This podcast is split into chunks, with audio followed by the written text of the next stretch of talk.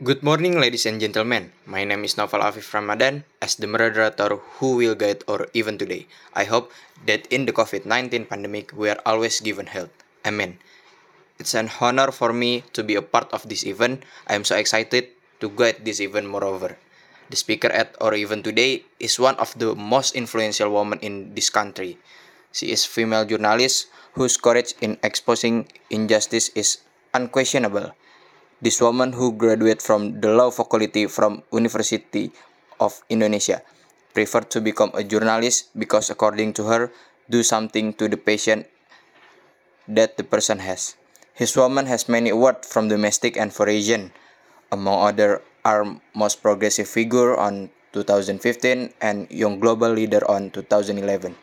From her, we can know more about how to be good journalist and be brave stand for justice.